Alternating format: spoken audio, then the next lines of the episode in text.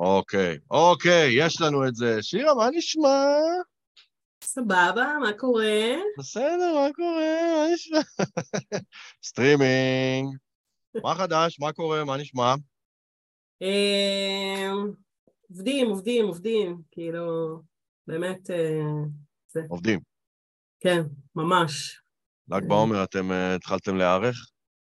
אה, למזלי, יש לי ילדים גדולים, הם לא צריכים את העזרה שלי. למה למזלי? זה החג הכי כיפי בע- בעולם. אני לא אוהבת אותו, אני לא אוהבת אותו. אתם עושים מדורה? אה, את האמת שאין לי מושג. מה זאת אומרת? מה, מה זאת אומרת? מה, מה זה הקטנת ראש הזאת? אני אה, כמעט 12 שנה הייתי דואגת למדורה כל אה, שנה. מותר לי אה, קצת לנוח, לא? שלושה ילדים עברתי. למה, שנה שעברה ארגנת מדורה? לא? אז אני אומרת, כבר אה, שלוש שנים אני לא מארגנת. ולפני ארבע שנים מה היה? ארגנתי מדורה. מדורה שכבתית. וואו, ואיך היה? אה, נחמד. אוקיי. כל הלילה וזה, לא, בוא'נה. היה נחמד, היה אחלה, היה... אה, אני זוכר, תקשיבי, זה לחץ כזה של אה, שהכל יהיה בסדר, וזה בכל זאת אתה מתעסק באש, ו... וילדים אה, שאוהבים אה, לרוץ ולהסתובב והכל, אז... ועוד אם- ועוד אם יש להם הפרעת קשב, וואי. אה, אפרופו, כן. ילדים עם הפרעת קשב בל"ג בעומר, זה רק מגביר את הסכנה. אה, כן, אתה צריך להיות עם עיניים יותר אה, זה, כי הם, אה, הם אה, אוהבים אה, להיות על הקצה. תקשיבי, אני יכול לספר לך, קודם כל יש לי המון זיכרונות ילדות מדהימים מל"ג בעומר, של מדורות כל הלילה, ואלכוהול, ושטויות, וצחוקים, ואז לחזור הביתה מרוסק ללכת לישון. אבל זה אבל, שאתה אה, גדול כבר, שאתה בן אה, אה, שאני 16, הייתי- 17, כן, בתיכון. 18. אבל אני יכול להגיד לך שאחד ה... אה, נקרא לזה הדברים הכי... האירוע, נקרא לזה, האירוע הכי מסוכן שחוויתי בל"ג בעומר היה, כי אנחנו ילדים מפגרים, אז היינו מביאים הרבה, את יודעת, בשר ואוכל וחטיפים וזה, ושימורים. ופעם היה איזה קופסת שימורים תחתיות ארטישוק, או איזה שטות שאף אחד לא רצה לאכול, לא יודע מי הביא את זה, ופשוט זרקו את זה למדורה. סגור, ככה. אבל אני לא יודע אם את יודעת מה קורה לקופסת שימורים שזורקים אותה למדורה. אוף, בדיוק.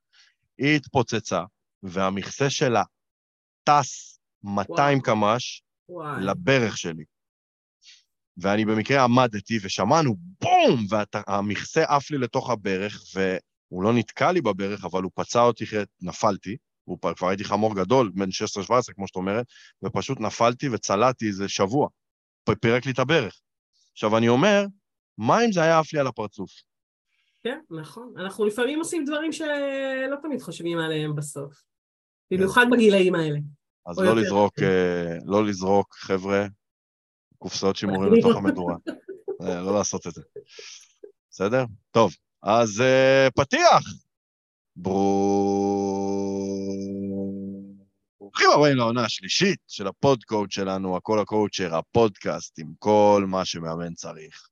בתוכנית אנחנו הולכים לדבר על אימון, על אתיקה, על ניהול עסק, על mindset, ופה ושם גם על האיזון הכל כך חשוב שבין העסק לחיים. בכל תוכנית הפורמט יהיה בדיוק אותו הדבר. בהתחלה נציג את הנושא, אחר כך נדבר על התנגדויות, מחסומים, בעיות ואתגרים. לאחר מכן נציג פתרונות פרקטיים ותכלסים, ונסכם באיזו הברקה שתעיף לכם את הראש בשאיפה. אז פרגנו לנו בלייקים ובלבבות, כי היום אני ושירה בישלנו לכם פרק מקצועי, וגם קצת אתי, יש לומר, בנושא מתאמן עם הפרעת קשב. אבל רגע לפני שמתחילים, קצת אבדה איכותי. אז האמת היא שבאתי מוכן לאבדה של היום, מהסיבה הפשוטה שבשבוע הבא, ב-12 למאי, 11 למאי, 12 למאי, משהו כזה, יום חמישי, יום אנחנו חמישי זה חוגגים. 11. 11 למאי, אנחנו חוגגים, אבל ב-11 בלילה, ב-12 בלילה זה כבר 12, אבל לא משנה. כן. אנחנו חוגגים יום הולדת שלוש לסטנדרט, בית למאמנים. וואו, איזה. טירוף, אה? ממש. ממש. במיוחד כי אני, כי אני מהמחזור הראשון, אז כאילו את כל הדרך, אה, כן. כאילו עשינו, ומדהים, מדהים, כאילו איך, אה, לאן הגענו, באמת. כיף אני גדול. תמיד אומר, אני לא יודע למה, אבל אני זוכר את סדר הנרשמים, שזו שריטה שיש לי, אני זוכר את סדר הנרשמים של כל המאמנים לסטנדרט, ואת היית המאמנת החמישית במספר. אה, הייתה, את, יש את ורד, שהיא המאמנת השישית בתכלס, אבל היא פנתה לפנייך ופשוט התלבטה איזה עשרה ימים.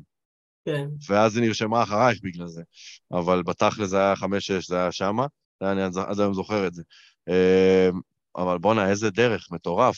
מדהים, מדהים, כאילו, באמת אה, חוויה, מסע, אה, אני נהנית מכל רגע בסטנדרט, ממש, אה, ממש ככה. אז היום אני יכול להגיד לכולם, כי זה רשמית נסגר אמש, אבל החלטתי שכל שנה ביום הולדת אנחנו הולכים לעשות פעילות כיפית, ולקחת את המאמנים ככה לפאן, ב- ביום הולדת הזאת, כל שנה יש פעילות. אבל אל תגלה. אז זהו, אז עכשיו אני כבר יכול לגלות, לא? לא. למה אל לא? תגלה. אל תגלה. אבל אני רוצה ש... לא, לא לגלות? מה, סגרנו עם לילך? מגלים או לא מגלים? לא, ככה נדע מי צופה. אז שנה שעברה לקחנו את כולם, הלכנו כולנו ללייזרטאג והיה צחוקים של החיים. היה מדליק. היה כיף. רצח. והשנה אנחנו הולכים ליפו, לבר, לשבת, לאכול, להתפנק, ואחר כך אנחנו הולכים איזה שבע דקות הליכה ברגל, ביפו, לסיבוב קצר, ומגיעים לאיזה בית, וילה, לא יודע לאן, ומגיעה אה, מנחה כדי לעשות לנו סדנת צחוק. מדליק. ואנחנו הולכים לעשות צחוקים של החיים.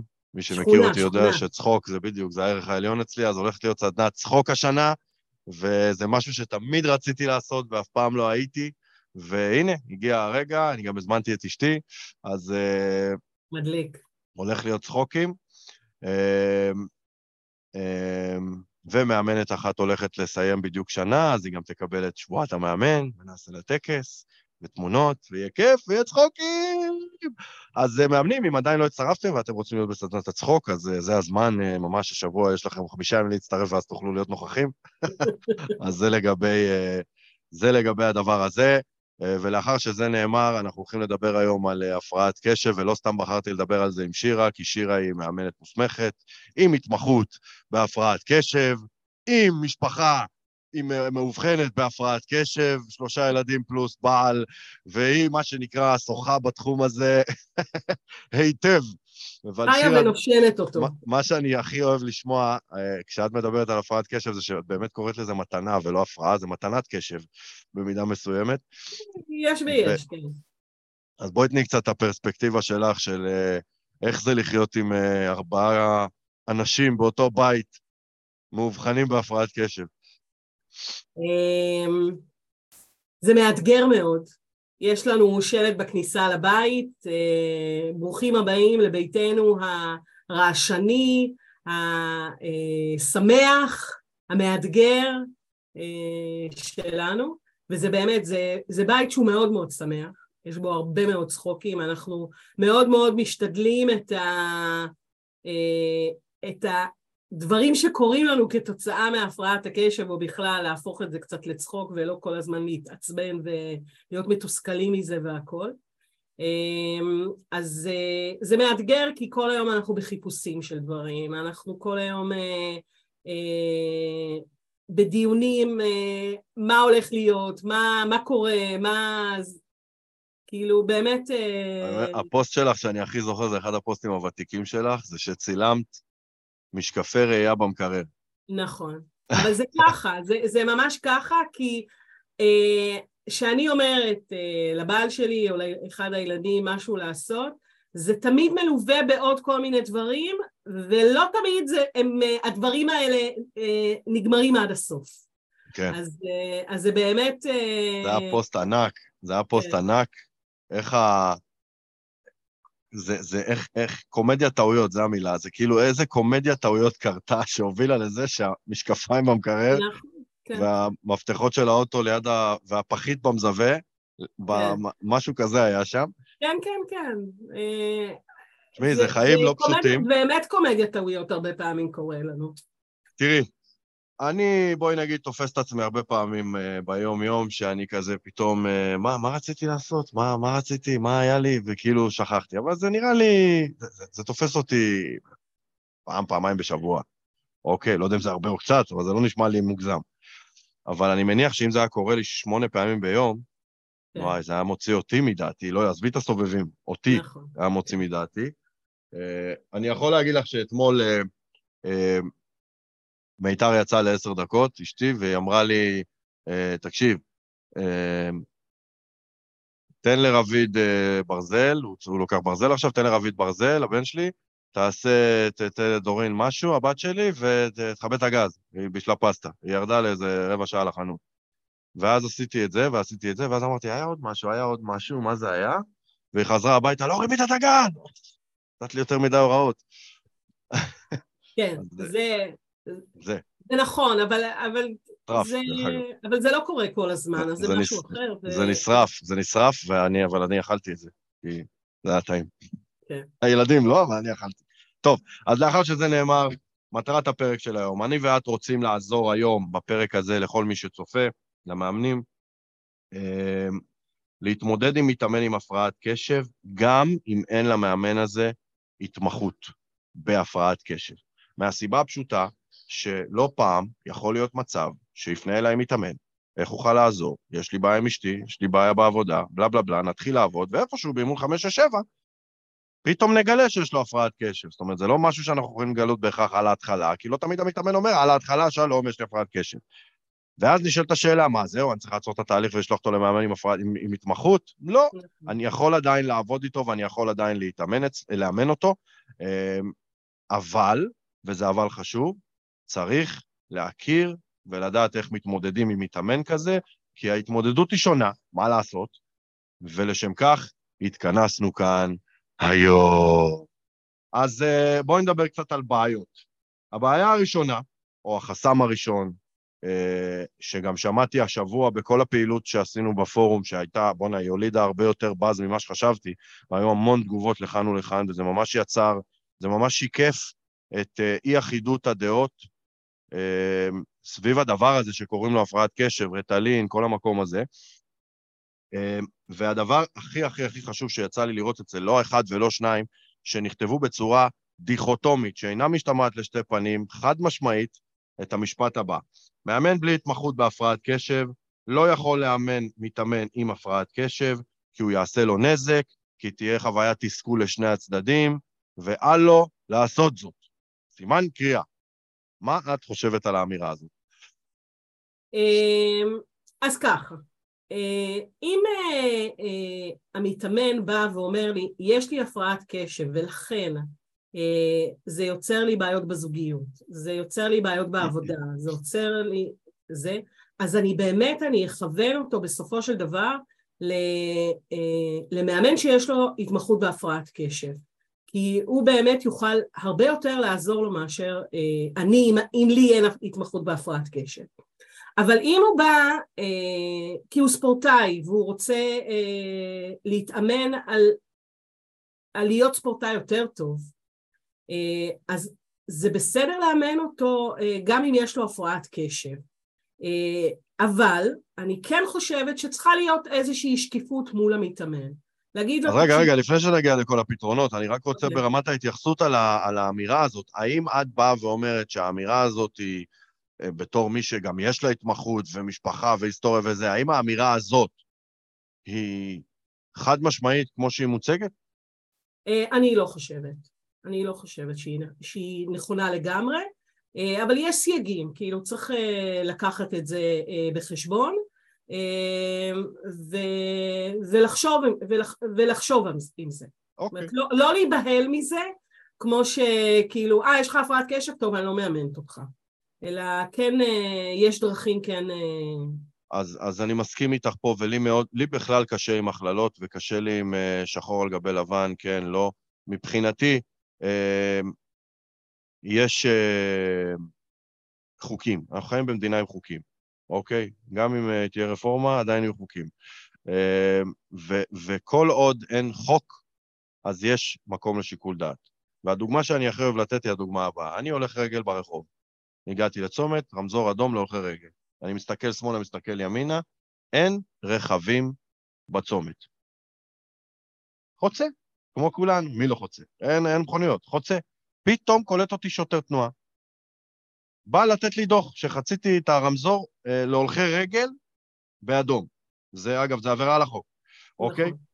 אז אני אומר לו, אבל שוטר, נו, בחייאת דינק, מה, אין פה צרצרים, אין פה, אין פה אוטו, אין פה רכבים, מה אתה עכשיו, נו, בן אדם? אז הוא מסתכל, הוא אומר לי, תגיד, מה זה מעניין אותי, עברת על החוק או לא עברת על החוק? אוקיי, נכון. אבל הוא יכול לצאת גבר ולוותר לי, הכל טוב, אבל שורה תחתונה, עברתי על החוק. עכשיו תחשבי שלא היה חוק, אז כל אחד יכול לחצות או לא לחצות לפי השקפת עולמו. נכון. וזה מוביל ל- ל- להמון בעיות. עכשיו, בעולם האימון יש כללים אתיים, ואין כלל אתי שאומר, מאמן בלי התמחות בהפרעת קשב לא יכול לאמן אנשים עם הפרעת קשב. ולכן חשוב לשים את הדבר הזה על השולחן.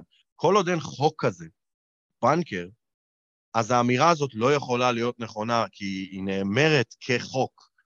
והחוק הזה לא מבוסס על כלום, כי אין חוק כזה. אין חוק במדינה כזה, אין חוק באתיקה כזה, ופשוט לא קיים. אז לי קשה עם האמירה הזאת, ולכן אני תופס אותה כמחסום. אני לא אומר שהתמחות בהפרעת קשב היא פיקציה, ואני בכלל לא מזלזל בה, אני חושב שהיא חשובה ואקוטית, אבל אני, לא- קשה לי עם המשפט הזה בצורה כל כך אה, שחור, שחור ולבן, כפי שמציגים אותה, ולכן אני כמוך חושב שהיא לא נכונה, ואני מסכים עם כל מה שהצגת. אני, הדבר אני השני- יכולה, שנייה, אני, אני יכולה כן. לספר לך שהיה לי מתאמן שהוא עם הפרעת קשב, שבהתחלה הוא התאמן אצל מישהו שהוא לא, שהוא לא היה מתמחה בהפרעת קשב, והמאמן עצמו פנה אליי ואמר לי, תקשיבי, אני מרגיש שאני, אה, אה, שקשה לי, שאני לא מספיק אה, אה, מכיר את הפרעת הקשב, אני לא מספיק אה, זה, ואני רוצה להעביר לך אותו. אמ, והוא דיבר גם עם המתאמן והכל, ובאמת אה, בסופו של דבר אני אימנתי אותו. אז אני חושבת שזה בסדר אה, גם לעצור את זה ולהגיד, אני מסכים אה, איתך במאה אחוז, ופה האתיקה כן מדברת, נכון, נכון, ואומרת שאם אני כמאמן מרגיש איזשהו מתח באימון, או, או אי מסוגלות לאמן את האדם, אז האתיקה מזמינה אותנו להתבוננות וביקורת עצמית, בדיוק. והיא באה ואומרת, אל תהיו שם, או לחילופין, קחו supervision ותתאמנו. זה תמיד נכון. שתי האפשרויות. אני זוכר שמאמנת פעם סיפרה לי שהיא אמנם מתאמן בביתה, גרה לבד, והוא הרגיש בבית, והיא שאלה אותי אם הוא רוצה לשתות משהו חם בתחילת המפגש, אז הוא הלך, לקח את עצמו למקרר, ולמטבח, סליחה, למקרר, למטבח, והכין לעצמו כוס תה. ואז אה, היא סיפרה לי שהיא הרגישה נורא לא בנוח. אז אמרתי לה, אוקיי, ומה את מבקשת ממני? כי אפשר לקחת את זה לשתי מקומות. אופציה ראשונה זה להציב גבול למתאמן. אופציה שנייה זה לעשות עבודה פנימית, ואולי זה בסדר שהוא מכין לעצמו תה במטבח שלך. את נכון. קובעת, אוקיי? אופציה שלישית, להגיד לי, אני לא סובלת אותו בגלל הדבר הזה, הוא חצה איזשהו קו אדום, ועכשיו אל תאמני אותו, וזה גם בסדר. ופה נכון. האתיקה, אין תשובה נכונה. וכשאין תשובה נכונה, אז האתיקה אומרת, תתבוננו פנימה, תהיו בביקורת עצמית ותעשו מה שנכון לכם. ואם. נכון למאמן מסוים, לא לאמן מישהו עם הפרעת קשב, לבריאות. אבל אני לא קובע, אי אפשר לאמן מתאמן עם הפרעת קשב אם אין לך התמחות בהפרעת קשב. נכון. אנחנו כולנו מאמנים מוסמכים, ועברנו אה, אה, הכשרת אימון, ואנחנו יודעים לאמן כל אדם, ובתנאי שהוא בר אימון. וזה מה שחשוב לומר, אוקיי? נכון, אבל אני, אני כן אבל חושבת ששו... שכן צריך לשקף את זה למתאמן. רגע, רגע, עוד לא, עוד לא, שנייה, אנחנו תכף נגיע לפתרונות, תכף נגיע לפתרונות. מקדימה את המקד מאוחר. אוקיי, סליחה, סליחה. מחסום מספר 2. אה, רציתי להגיד רטלין, אבל שירה אמרה לי, אל תגיד רטלין, תגיד טיפול תרופתי. אז אני... נכון, כי, כי ריטלין זה רק סוג אחד, יש הרבה כן, סוגים. יש כמה, יש כמה, יש רטלין, יש נכון. אקמול, יש אופטלגין, יש נכון. יש כל מיני. אה, אז ככה, אימון לא מחליף... רגע, קפצה לי תזכורת. אימון לא מחליף טיפול תרופתי. נכון. מה את חושבת על האמירה הזאת? אה, זה נכון. אה, אני חושבת שזה צריך ללכת ביחד אה, עם האימון יחד עם טיפול תרופתי. יכול להיות שבסופו של דבר, אחרי שהוא ילמד ו- וידע, אז אולי הוא יחליט שהוא לא, שהוא לא אה, ירצה להשתמש יותר בריטלין. אבל זה לא משהו שאני יכולה להגיד אם כן או לא. אני לא מומחית בריטלין. אני לא יכולה להגיד כאלה דברים, הוא צריך להתייעץ עם, הרופא. גם. עם- גם. עם התמחות בהפרעת קשב, את עדיין לא נכון. מומחים. בטח שלא, אני, אין לי, אני לא כן. אחראית על זה, אני, זה, ואני, ואני מאוד מבהירה לו את זה, שאני לא יכולה להגיד לו האם לקחת או לא לקחת, ומתי לקחת ו, ומתי לא לקחת.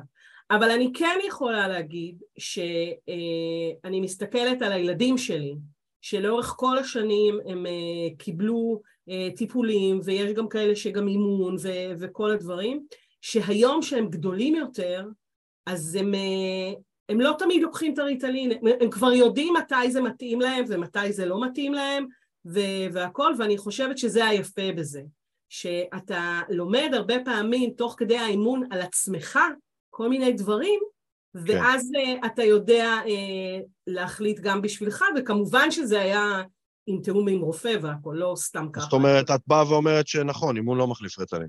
נכון. או טיפול תרופתי בכלל. לא. לא, אוקיי. והנקודה השלישית, הפרעת קשב אינה ניתנת לאימון, והדבר הזה עלול להבהיל ולהפחיד את המאמנים, במיוחד אם אין לי התמחות. מה את חושבת על המשפט הזה? אם זה מפחיד אותך, אז uh, תהיה מספיק uh, שקוף להגיד שאתה לא, רוצ, שאתה לא רוצה לאמן את אותו מתאמן. או לחילופין, קח הדרכה. נכון, או הדרכה. אבל זה לא נכון, כי, כי אני רואה את זה אצל המתאמנים שלי. כן. אני רואה שזה כן uh, אפשרי, אני רואה את זה אצל המשפחה שלי, אני, אני רואה את זה... כל, כל הסלוגן ה... כל הסלוגן העסקי שלך מבוסס על, ה... נכון. על, על האמונה המקבילה, על הסטריאוטיפ החברתי הזה אפילו, יש לומר. בדיוק, נכון. שזה לא, איך זה הולך המשפט, פחות או יותר? אם הפרעת הקשב מתסכלת אתכם, או שאתם חושבים שאתם, שאתם לא מסוגלים להתנהל איתה, אז יש מה לעשות. יש מה לעשות, היש מה לעשות הזה. נכון, בדיוק. אוקיי? כי זה לא כמו שעכשיו יבוא אליי, לא יודע, סליחה על הדוגמה הקיצונית, אבל יבוא אליי אדם משותק על כיסא גלגלים ויציב מטרה, אני רוצה לרקוד. על הרגליים. כן. אני לא יודע אם יש מה לעשות, לא אצלי לפחות, אני אולי צריך להשתיל לו איזה, איזה משהו שיזיז לו את הרגליים, אבל אני, אני, אין לי, אין מה לעשות אצלי. נכון, נכון. ופה יש. זה, זה פה יש, אפשר, אפשר לעבוד על זה, יש הרבה מאוד דרכים לעבוד על זה, ו, ורואים את התוצאות של זה. כן. תודה, סילבנה, על הפידבק, זה לגמרי נושא חשוב, ואפילו לא ידעתי עד כמה הוא חשוב, עד שראיתי את כל הדיונים השבוע בפורום. אז טוב, יאללה, בואי נדבר תכלס, פתרונות. אז מה עושים?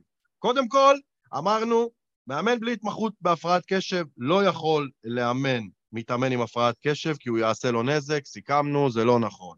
אז קודם כל, רבותיי, מאמן יכול, מאמן יכול לאמן אנשים עם הפרעת קשב, אבל, ופה יש לנו כמה?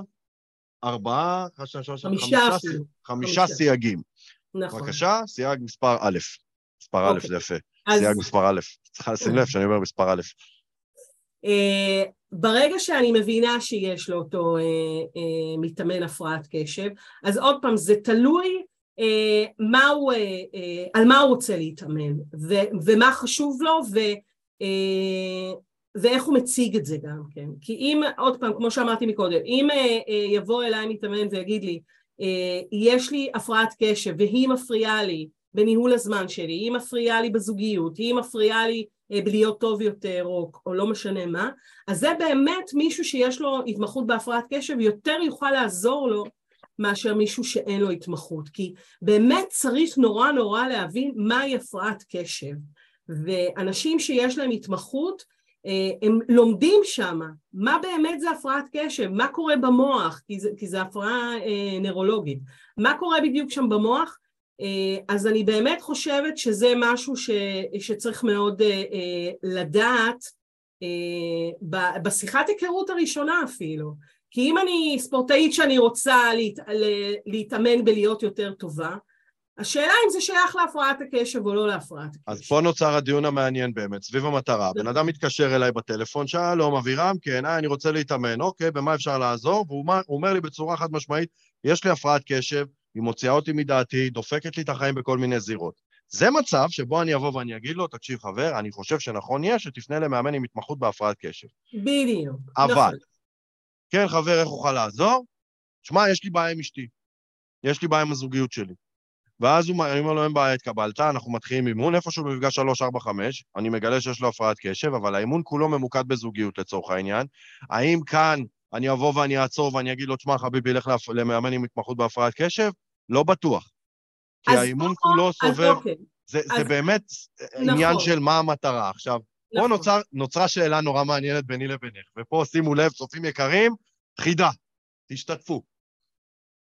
פנה בן אדם לאימון כי הוא רוצה לשפר או לשקם את מערכת היחסים עם אשתו, ויש לו הפרעת קשב. למי כדאי לו לפנות? א', מאמן עם התמחות בזוגיות, בדגש על שיקום זוגיות, ב', מאמן עם התמחות בהפרעת קשב. בבקשה, צופים יקרים, מה, מה, מה התשובה הנכונה? אדם פנה אליי בטלפון ואמר לי, אבירם, יש לי עסק, אני רוצה אימון עסקי.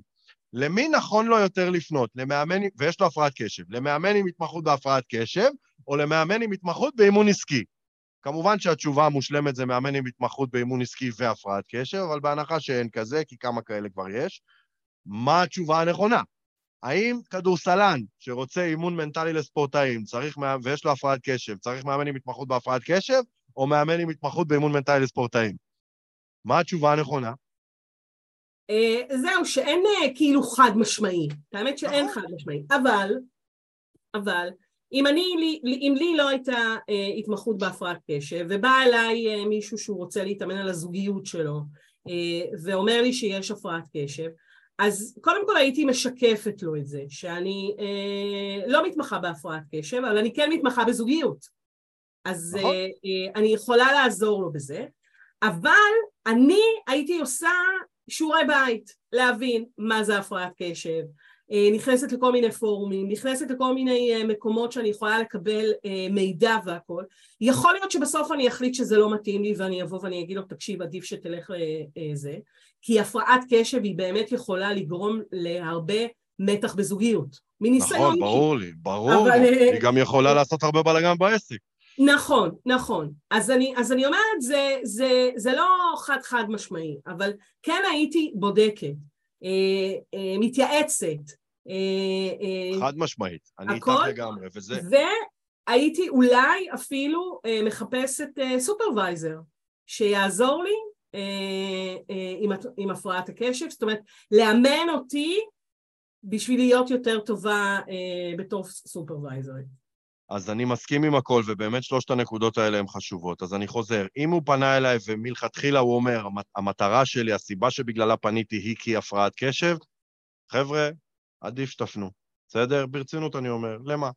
אבל אם הוא בא ואומר זוגיות, עסקים, קשקושים, קריירה, לא יודע מה, ויש לו הפרעת קשב גם, חבר'ה, אתם יכולים לאמן אותו, הכל בסדר, אוקיי? דבר שני, תהיו שקופים, תגידו שאין לכם התמחות בהפרעת קשב, תגידו שאתם לא מתמחים בדבר הזה, ו- ותנו למתאמן לבחור, שהוא ידע, אני טוב בזה ובזה, אני מתמחה בזה ובזה, ובזה לא. שקיפות היא חופי. דרך אגב, זה כן בקוד האתי, צריך להיות שקופים מול המתאמן בנוגע נכון. להסמכותינו. נכון. והדבר השלישי הוא באמת, היה ו- והיה והוא הצטרף אליי למרות שהייתי שקוף איתו, וזה יכול להיות uh, הפרעת קשב, וזה יכול להיות אספרגר, וזה יכול להיות כל דבר, סכרת, כל דבר שבעולם, אוקיי? עכשיו אני מקבל אותו למרות שאין לי התמחות, ואני לא מתכנן לעשות התמחות, זה לא הנישה שלי, במקרה יש לי מתאמן כזה. אני לא משווה בכלל בין התמחות לבין לקרוא כתבה או שתיים בגוגל, אבל לפחות אני אקרא כתבה או שתיים בגוגל, או ספרות מקצועית, או אתייעץ עם איש מקצועי עם התמחות, כדי שאני אדע איך להתנהל מולו, או, או שאני אדע למה לצפות ברמת העיקרון, נכון. אוקיי? אבל הדבר החמישי, ואולי אה, אה, מבחינתי אה, אה, הכי חשוב. אני אולי קיצוני ואולי יקטלו אותי, אבל אני מתייחס להפרעת קשב כמו לכל תחום.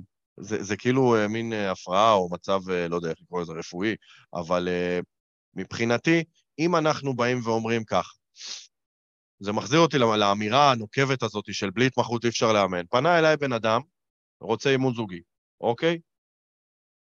אין לי התמחות בזוגיות. למה אני יכול לאמן אותו?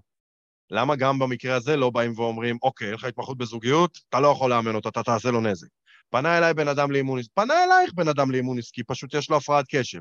פנה אלייך בן אדם לאימון עסקי. אין לך התמחות באימון עסקי עד כמה שזכור לי. נכון. אה, את לא יכולה לעבוד איתו. אז זה אבל, זה לא, חרטא. אבל, אבל אני כן, אבל אני אשקף לו את זה, אני אגיד לו את זה, ו...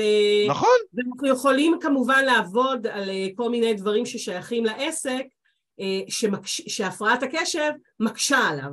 אני אה, מסכים איתך, אה, להסתדר. אני אבל מסכים איתך. אה, יש, יש עם זה, זאת אומרת, אה, קצת קשה לי שאתה אה, משווה זוגיות להפרעת קשב, כי, כי זה לא בדיוק אותו דבר. אני מסכים איתך, כי זוגיות היא תחום בחיים והפרעת קשב היא, היא, היא הפרעה רפואית גופנית, זה, זה קושי נכון. אל מול תחום, ברור שאין נכון. מקום להשוואה. אבל נכון. כשאני שם התמחות מול התמחות, אז כאילו, זה אומר שההתמחות בזוגיות היא nice to have, וההתמחות בהפרעת קשב היא must have. ואם אני רוצה לעסוק בנישה הזאת, אז אני בא ואומר, לא.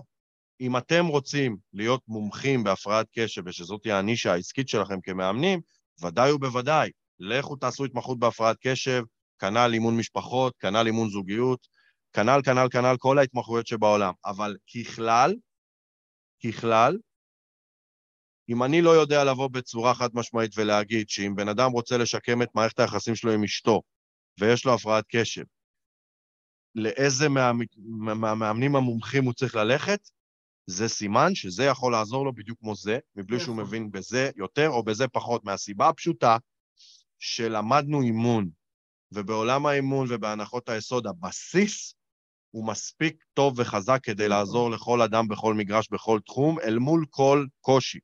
נכון. לאחר שזה נאמר, אם אני אה, אה, התמחיתי באימון לארגונים וחברות, שזאת ההתמחות שלי, ואני אלך לעשות אימון ארגוני, שזה המקביל לייעוץ ארגוני, פשוט בצורה אימונית, מן הסתם יהיה לי יתרון יחסי כאיש מקצוע.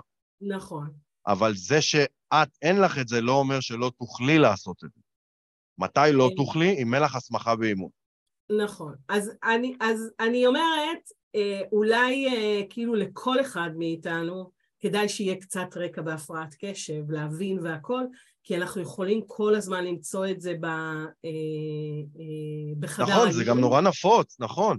כי, כי אה, הפרעת הקשב היא לא אה, רק בלימודים, היא לאורך כל החיים שלנו, אם זה בבית, שהבית מבורדק ואנחנו לא מצליחים אה, אה, אה, לארגן אותו ולסדר אותו, ואם זה בניהול הזמן שלנו שאנחנו לא מצליחים אה, לעשות כל מיני דברים, אז יש הרבה מאוד דברים שהפרעת הקשב מפריעה לנו בחיי היום-יום שלנו. אז אני, אני כאילו ממליצה ל- לכל אחד ללמוד מהי הפרעת. קשב, כדי שיהיה לכם יותר קל עם זה. אני רוצה לחזק את מה שאת אומרת, אני לא רוצה שייתפס, אה, אה, גלית, אני כבר מתייחס למה שכתבת, אני לא רוצה שייתפס כאילו אני איזשהו יהיר שבטוח שהוא יודע לעשות הכל. אני, אני ממש לא. בין אם זה מתאמן עם הפרעת קשב, ובין אם זה מתאמן, לא יודע, מהקהילה הגאה, או, מכל, או, או בין אם זה לא משנה מה, כשאני מרגיש שאני תקוע, או ואו שחסרים לי כלים, אני הולך ללמוד, אני הולך להשתפר כי אני רוצה לעזור למתאמנים שלי, אוקיי? אבל אני יוצא מנקודת הנחה שכל עוד לא נתקעתי, אני יכול לאמן את אותו בן אדם. נתקעתי, אני אלך, זה כמו שאני בהרצאה ושואלים אותי שאלה שאני לא יודע לענות עליה, אז אני מיד אומר, אני, אני אבדוק ואני אחזור אליך, ואני משתדל גם לקיים את זה.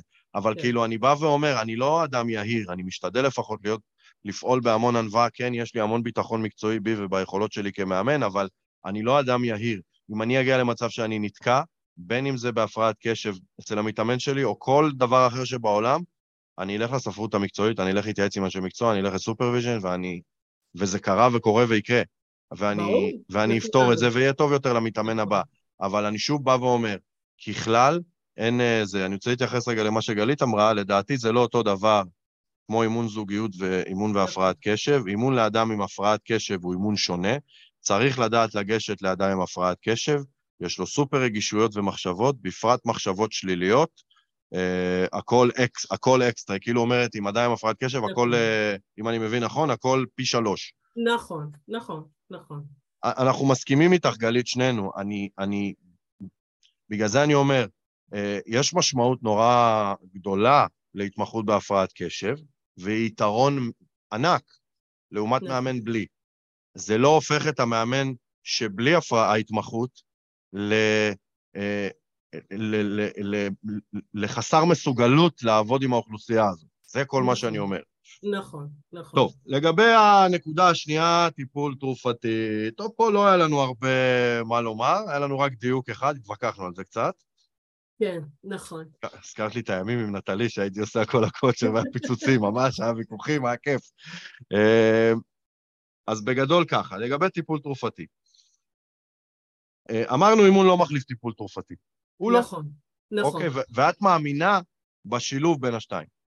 ברור, כן, כן. זה, זה הטיפול הכי נכון ש, שבן אדם אה, יכול לעשות לעצמו, זה כן לקחת את הטיפול התרופתי ו, אה, ולקחת איזשהו אה, אימון, התנהגותי, רגשי, לא משנה מה, אבל יש כאלה שגם לא מסוגלים אה, לעשות,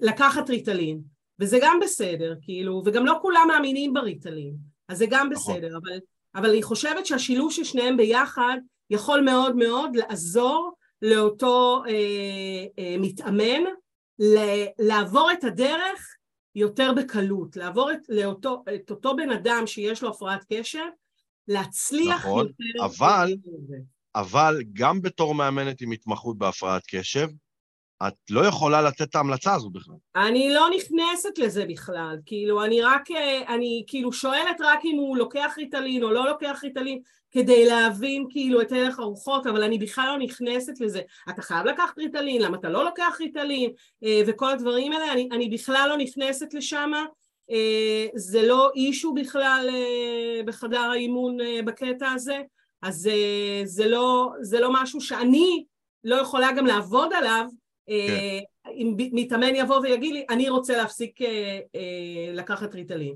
אני כן. אשאל אותו, למה? ו- ומה, ומה, זה, ומה קשה לו עם זה שהוא לוקח ריטלין, ועל זה אולי נעבוד.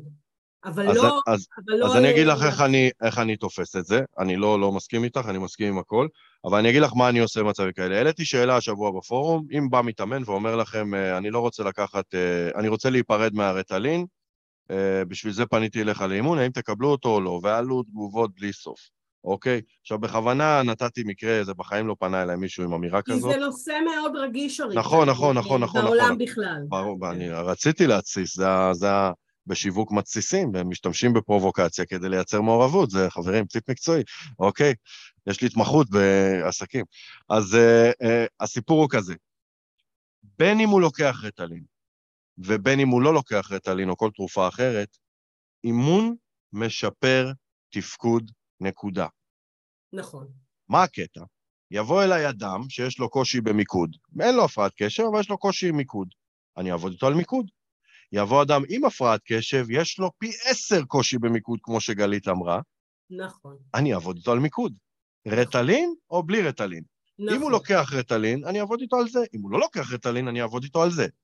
והיה והיה תהליך מושלם, שעבד יותר, מעבר, את יודעת, מחוץ לסקאלה, ברמת המקצועיות וברמת אחוזי ההצלחה, ובזכות זה הבן אדם נפרד מהרטלין, כמו שהוא ביקש מלכתחילה, שיבושם. לו, לא זה- קשור אליי. זה כבר שלו, בדיוק. ואת זה- זה אני אגיד לו בפגישה, אוקיי? נכון. עכשיו, מי שהגיבה לי באחד השרשור שם של התגובות, בדיוק כמו שאדם עם חולה סכרת לא יבוא אליי ויגיד לי, אני רוצה שתאמן אותי כדי שאני אפרד מזריקת האינסולין, אתה לא יכול להגיד שהאימון יעזור בלהיפרד מהרטלין. ופה חשוב לי להדגיש נושא חשוב שכל מאמן צריך לשלוט בו, שהמאמנת ההיא אולי קצת שכחה. נושא השליטה. במיקוד שלי, גם בהפרעת קשב, יש לי מידה של שליטה. ביכולת של הגוף שלי להפריש אינסולין, אין לי. ולכן אני לא יכול לאמן אותו בהיבט הזה, כאילו, אני לא יכול לאמן את איברי גופו. אני חושב, אני, שוב, אני לא מבין בזה כלום, אבל אני לא זה רואה איך... לא, אבל זה- זה לא בדיוק נכון, כי... אה, על האינסולין או על המיקוד? על, על, על הפרעת הקשב, מהי בעצם הפרעת קשב? שח, שחסר דופמין במוח, שהמוח לא לא מפריש דופמין כמו שצריך, אה, וזה לא עובר, לא עובר בין אה, תאי העצב. נכון, אז הריטלין הוא זה שעוזר לו. נכון. אז כביכול אנחנו יכולים להגיד, האינסולין עוזר לסוכר. לא, אבל יש אבל חשוב. אבל, יש נכון. אבל חשוב. נכון. אפשר גם גם... אם חסר לי דופמין, אני יכול להיות ממוקד. נכון. ואם אה, חסר לא, לי... לא, לא בטוח, אבל... אבל אולי. כן, נכון, אני- בגלל זה השתמשתי במילה מידה. נכון, אז נכון. זאת אומרת, אני לא חייב את הדופמין, את המקום הגופני שאינו בשליטתי, הכימי, אני לא חייב כדי לייצר מידה של מיקוד. אבל נכון, בלי... זה גם בלי... לא חיים ומוות. לא בדיוק, חיים בלי אינסולין ומוות, באתי להגיד, אה, אני יכול למות. נכון, אין, אין מקום להשוואה בכלל, אוקיי? נכון, וסכרתיים באים לאימון כדי להתנהל סביב המחלה עם כל הזריקות וכל הבדיקות דם וכל נכון. הזה, זה המקום. נכון, ולכן אין אבל, מקום להשוואה. אבל, אבל, שלא לא מתאמנים, אלא נגיד אה, חברה באה ו- ואומרת לי, תקשיבי, אני לת- לתת ריטלין, אני אה, זה, אז אני כן, כן הרבה פעמים משווה אותה, משווה את זה ל... אם היה לו אה, סכרת, לא היית נותנת אינסולין, אם הוא היה צריך משקפיים, לא היית נותנת לו משקפיים, והריטלין וכל הטיפול התרופתי, הוא כן נותן איזשהו אה, קביים להפרעת הקשב. נכון, אבל כמו. שאמרת, מהפרעת קשב לא מתים. נכון, נכון, וזה נכון. חשוב. עכשיו, נכון. הפרעת קשב היא מחלה, עוד פעם, זה- טעיתי, חטאתי, היא... היא אה, הפרעה. היא, אה, הפרעה היא, הפרעה, נכון, אה, אבל ההשפעה העיקרית שלה, מעבר לכימיה במוח, היא התפקוד. ו- בדיוק. ועל התפקוד באים לאימון, אוקיי? נכון, זה. היופי. אז, נכון. אז אין מקום להשוות בכלל, ולכן אפשרי. אני אומר, נכון, כן. ולכן אני אומר, רוצה לקחת רטלין, לא רוצה לקחת רטלין, תעשה נכון. מה שאתה רוצה, מה זה קשור אליי בכלל? אני בדיוק. מאמן אותך על התפקוד כמו כל אדם אחר, נכון. אוקיי? אני מתייחס, את יודעת, ראינו אה, הרצאה מדהימה של אה, ירדן על מיקרו-אגרסיות, אוקיי? והיא תיארה מצב אה, על אפליה, איך היא קראה לזה? אפליה, לא זוכר. באה באה מתאמנת ואמרה שהיא לסבית, מהקהילה הגאה. ועכשיו המתאמנת, המאמנת, סליחה, לא עשתה מזה סיפור. מה זה משנה מה הנטייה המינית שלה לדבר שעליו היא באה להתאמן? זה לא מעניין, נכון. אוקיי? אז עכשיו על אותו משקל אני בא ואומר, אוקיי, הוא בא ואמר שיש לו הפרעת קשב. אוקיי, צריך להתאמן על מיקוד, מה זה משנה מה יש לך? כאילו, שוב, בהתייחסות הקיצונית שלי, אני מתייחס לזה כאילו זה כזה. ואז, אבל זה לא, זה לא נכון לגמרי, אבל... אה, כי כן צריך רגע לעצור. שב, ש, ש, אין ספק. שמתאמן. אה, שמתאמן אומר לך שהוא לסבי, או שמתאמן אומר לך, אה, כאילו לסבית, או שמתאמן אומר לך שיש, לך, אה, שיש לו הפרעת קשב, זה שני, זה שני דברים אחרים ש... חד משמעית. שצריך, אה, אה, חד משמעית, הכל מקבל התייחסות, אבל אני לא מנפח את זה אל יותר ממה שזה צריך להיות. ברור. עם הפרעת קשב, בלי הפרעת קשב, צריך לעבוד על מיקוד, נעבוד על מיקוד. אז אני אעשה איתו אה, ציר, סקאלה, איזה ציון אתה נותן למיקוד שלך? ההוא עם הפרעת קשב יגיד 2, ההוא בלי הפרעת קשב יגיד 4. מה, מה הצעד הבא הקטן שאתה צריך לעשות? ההוא עם הפרעת קשב יגיד משהו, לשים לב איפה אני שם את המשקפיים, וההוא בלי הפרעת קשב יגיד, אני צריך לבנות אה, ניהול זמן כי הוא במקום מתקדם יותר. כך או כך האימון הוא עם אותו צביון. ברור. רק ברור. הרמה היא שונה.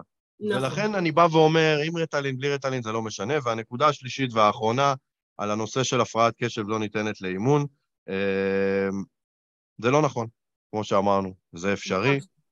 וזה יושב על המקום של האמון שלנו במתאמן, נכון. אוקיי? ואם אני, אם אני חושבת שזה לא, אז אני לא אאמן. אני כאילו... נכון, אסור. אני לא, אני לא אגיד, כן, אני יכולה לאמן אותך בכל מקרה. כאילו, וזה נכון אני- לגבי כל המטרות האימוניות. נכון, נכון. אם יבוא אליי, וזה תמיד מחזיר אותי לשאלה המיתולוגית שאני ובן אה, מתקוטטים עליה, אוקיי? אה, בא בן אדם, בן 60, מציב מטרה, אני רוצה להיות אסטרונאוט בנאסא, אוקיי? ריאלי או לא ריאלי בעיניי כמאמן? אם, את יודעת, הדעות חלוקות, מי, מי, מי שמי להגיד מה ריאלי ומה לא ריאלי, וכאילו אני צריך לקבל את כולם, ואולי המטרה תשתנה וכולי. ואני בא ואומר, אם אני לא מאמין שהמטרה ריאלית, אני לא מאמין שהמתאמן יוכל להגיע אליה, אסור לי, אסור לי לאמן אותו, כי אני צריך להוביל אותו למקום שאני לא מאמין שהוא אפשרי, אוקיי? אה, נכון. קל וחומר, בא אליי מתאמן עם הפרעת קשב, ואני צריך לנסות אה, לשפר את תפקוד, ה, את התפקוד שלו יחד עם ההפרעה, ואני לא מאמין שזה אפשרי, אסור לי לאמן אותו. אבל לכן אנחנו באים ואומרים, זה חד משמעית אפשרי, מחקרים הוכיחו את זה, אימונים הוכיחו את זה, אנשים עם נכון. הפרעת קשב מסוגלים לשפר את התפקוד שלהם. משמעותית. תעיד על כך אימא לשלושה קרימינלים, ואישה של קרימינל ראשי. נכון. וואי, טוב, אז הפרק הזה הוא סופר חשוב, ואני רוצה שנסיים אותו בהברקה, אוקיי? כמו תמיד. הברקה! וההברקה היא כזאת. הפרעת קשב, מישהי נכנסה איתי לדיון שם על ה-DSM, DCM, לא זוכר איך הוא נקרא, ספר האבחנות הפסיכיאטרית. אמ, וחשוב לי לגעת בדבר הזה.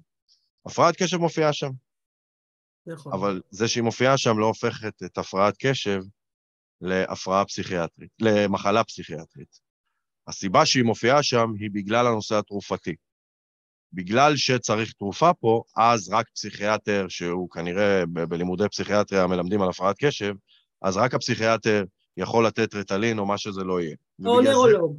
או נוירולוג. היום-. היום עקרונית אה, או פסיכיאטר או נוירולוג שמתמחים בהפרעות קשב, ויש היום גם כן רופאי משפחה או רופאי ילדים שמתמחים בהפרעות קשב, שהם גם כן יכולים לתת. מצוין. וזאת הסיבה שזה מופיע בספר.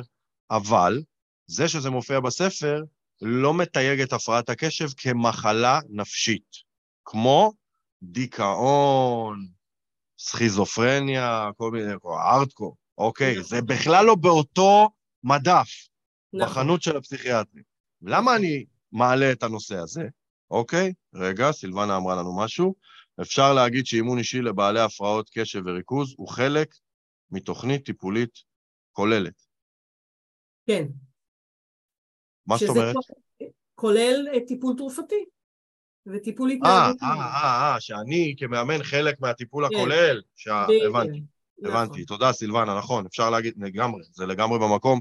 אם המתאמן רוצה זה בכלל... הכי אה. נכון. זה כן, הכי נכון. שוב, אה, את יודעת, גם פה יש אה, דיונים לא, ברחוב נכון. על העניין הזה. נכון, אבל אה, כאילו במיוחד אה, נגיד אם זה ילד, אז אה, אפילו מוסיפים לפה הדרכת הורים.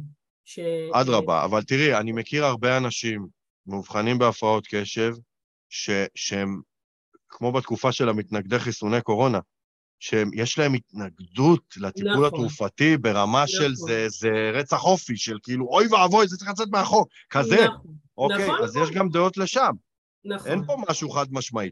לא. אבל מה שרציתי להגיד אה, על העניין הפסיכיאטרי, למה אני אומר את זה?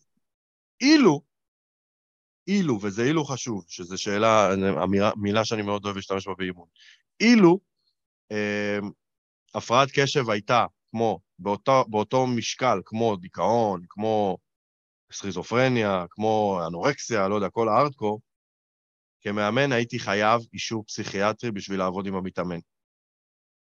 אבל אני לא חייב. מה שהופך את הפרעת הקשב לא להיות באותו סקאלה בכלל של הדברים האלה, אוקיי? נכון. אה, היא אולי גורמת אה, לדיכאון, אבל היא לא, אה, אבל זה לא, כאילו היא גורמת אולי לדיכאון, לתסכול, בגלל שלא מטופלים כמו שצריך, והכל. כמו כל דבר שיכול לגרום לדיכאון, כי לא הולך לי בחיים. גם חברה שלי עזבה אותי, זה יכול לגרום לדיכאון. נכון, נכון. אבל עדיין, אני לא צריך אישור פסיכיאטרי בשביל לעבוד עם בן אדם עם הפרעת קשב, מה נכון. שהופך באופן אוטומטי את הפרעת הקשב לברת אימון. אחרת הייתי זקוק לאישור הזה, אוקיי? ו- וזאת אמירה שחשוב להגיד, ולכן אני מבקש מכולכם, אם אתם שומעים, במיוחד מאמנים צעירים, שעוד לא יודעים מה נכון ולא נכון, ושומעים ריבוי דעות, ובאופן אוטומטי הולכים למנוסים יותר, ולבעלים של, ולמורה של, ולמרצה מפה, ולסופרוויזר הבכיר משם, אוקיי? אם אתם רוצים אה, תשובה אמיתית, תשאלו כמה אנשים ותפעילו שיקול דעת, ותבדקו בקוד האתי מה מותר ומה אסור. נכון. והמותר והאסור, או יותר נכון האסור, אני תמיד אוהב להגיד, הקוד האתי הוא גבולות שלא חוצים. בפנים יש המון דעות לכאן ולכאן. אני לא יודע הכל. אני לא יודע אם מה שאני אומר לכם עכשיו הוא נכון. אם אתם שואלים אותי, אפשר לאמן אדם עם הפרעת קשב גם ללא התמחות בהפרעת קשב, והרבה אנשים אמרו שאי אפשר, ושזה יעשה נזק, ושככה, אני לא, אני לא אוהב את האמירות האלה, הן לא מבוססות על הקוד האתי. ולכן אני בא ואומר, בש- בשורה התחתונה, תתייעצו עם יותר מאדם אחד. גם אם האדם האחד הזה, אתם סופר מעריכים את דעתו המקצועית, יש מצב שהוא טועה. וזה. משול לללכת לרופא, יש לכם איזשהו, לא יודע, משהו קיצוני, והרופא אומר לכם, אני פעם, כשהייתי ילד, הלכתי לרופא, היה לי איזה בעיה בשן, הוא אמר לי לעקור, אוקיי? אה, לא כל כך מהר אני עוקרים שן. מה עשיתי? לקבל חוות דעת נוספת. נכון. ואז הרופא השני אמר, לא צריך לעקור, אתה יכול לעקור ואתה יכול לחכות לגיל 30. וחיכיתי, אוקיי? וכשהגעתי לגיל 30, גיליתי שאני יכול למשוך עוד זמן. עם הבלגן הזה שיש לי בשן, עד היום אני עם השן, דרך אגב, לא עקרתי אותה. בסדר? אז הנה, רופא. אז תמיד תיקחו חוות דעת נוספת, זה לא מדע מדויק, זה לא מתמטיקה.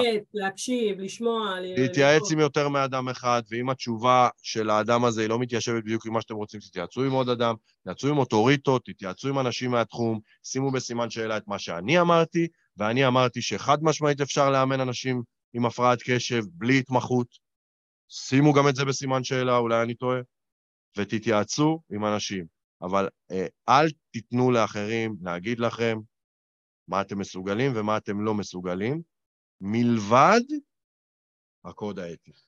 בדיוק. הוא, מה שכתוב שם, אני מחויב אליו, וכולכם כמאמנים, קולגות שלי מחויבים אליו. הקוד האתי הוא הבוס, נכון. אוקיי? אז זה משהו שהיה חשוב לי מאוד לסיים אותו. תודה לכל מי שצפה, וקארן מוסיפה לנו ממש בדקה ה-90, ולהקשיב בעיקר לקול הפנימי שלנו, אם יש ספק, אין ספק. יודעת מה הבעיה שלי, קארן? את אה, אוהבת להתפלסף איתי עם הקול הפנימי? לפעמים הקול הפנימי שלנו מעכב. קול פנימי זה מילה נרדפת לפעמים לאמונה מגבילה. פשוט אנחנו קוראים לו בשם אחר, אז זה הופך את זה לגיטימי. אבל זה כבר דיון לפילוסופיה.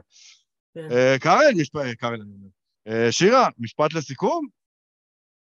אמ, לכו על זה, ואל תפחדו מזה. אה, הפרעת הקשב אה, היא, אני, אני חושבת שיש בה גם הרבה, אה, הרבה מאוד דברים טובים, כן. ו, ולא צריך לפחד מזה, והיא מאתגרת, היא באמת באמת מאתגרת, אבל כן. היא נפלאה. אני. מתה על הארבעה שלי בבית, אה, כאילו שואלים אותי איך מסתדר, אמרתי זה מאתגר, זה מאתגר, אבל לפחות לא משעמם לרגע. אז זה באמת לא משעמם לרגע. כן, זה בטוח. האמת היא שמתאמנים שיש להם הפרעות קשב, יש הכי הרבה צחוקים באימון, ואני מוצא את עצמי פתאום צריך להציב, אפרופו כלים, גבולות ברורים נכון. למתאמנים האלה, וצריך נכון. לא, לא לתת להם לגרור אותנו. אני מצאתי את עצמי כל הזמן נגרר איתם לצחוקים נכון. ושטויות, וכל הזמן להחזיר אותם חזרה ולהציב גבולות. רגע, אנחנו מדברים על זה עכשיו, רגע, אנחנו מדברים על זה עכשיו. המון כלים אימוניים של, שקשורים בדואינג ובניהול זמנים, ובכל המקום הזה, שאי, חבל שלא נגענו במקום הזה קצת יותר בפן הפרקטי, יותר נגענו זה בפן כן? התפיסתי. כל כן. הזמן איך כן. וגם איך- הוא יבוא אחרי שבוע והוא לא עשה את הדברים, ואנחנו נכון. צריכים לגלות סבלנות, וזה יקרה נכון. אולי יותר לאט, אבל בשורה התחתונה אפשר. ולי חשוב לתת עוד אה, תוספת קטנה אחרונה. אה, אם להיות מאמנים לאנשים, לאוכלוסיית הפרעות הקשב זה משהו שמישהו מצופינו רוצה, או מאזיננו בספוטיפיי, אז כן, לכו לעשות התמחות. לכו, תהיו כן. הכי טובים בזה בעולם אה, בשביל יעזור מאוד. בכלל בחיים. לגמרי. ואתם שומעים את שירה, שירה היא מדברת על אנשים עם הפרעת קשב, כאילו זו המתנה הכי טובה בעולם, היא אוהבת את זה, זה בקישקס שלה, אז בוודאי ובוודאי לכו ללמוד את זה, וזה נכון לגבי כל הנישות. אם אתם אוהבים לעשות אימון משפחות, לכו תעשו התמחות באימון משפחות. אם אתם אוהבים עסקים כמוני, לכו תעשו התמחות באימון עסקי. לכו עם זה ותהיו אנשי המקצוע הטובים ביותר. כי אמנם אני יכול לאמן אנשים עם הפרעת קשב, אבל אין לי ספק ששירה תהיה טובה ממני, אוקיי? אין לי ספק. אני יכול, היא תהיה טובה יותר. אז uh, זה ככה לגבי הדבר הזה, וזה כדי לסכם. Uh, זהו, שירה, תודה רבה. כרגיל גלשנו. בזמנים, אבל uh, לא נורא. יאללה, ביי. יאללה ביי.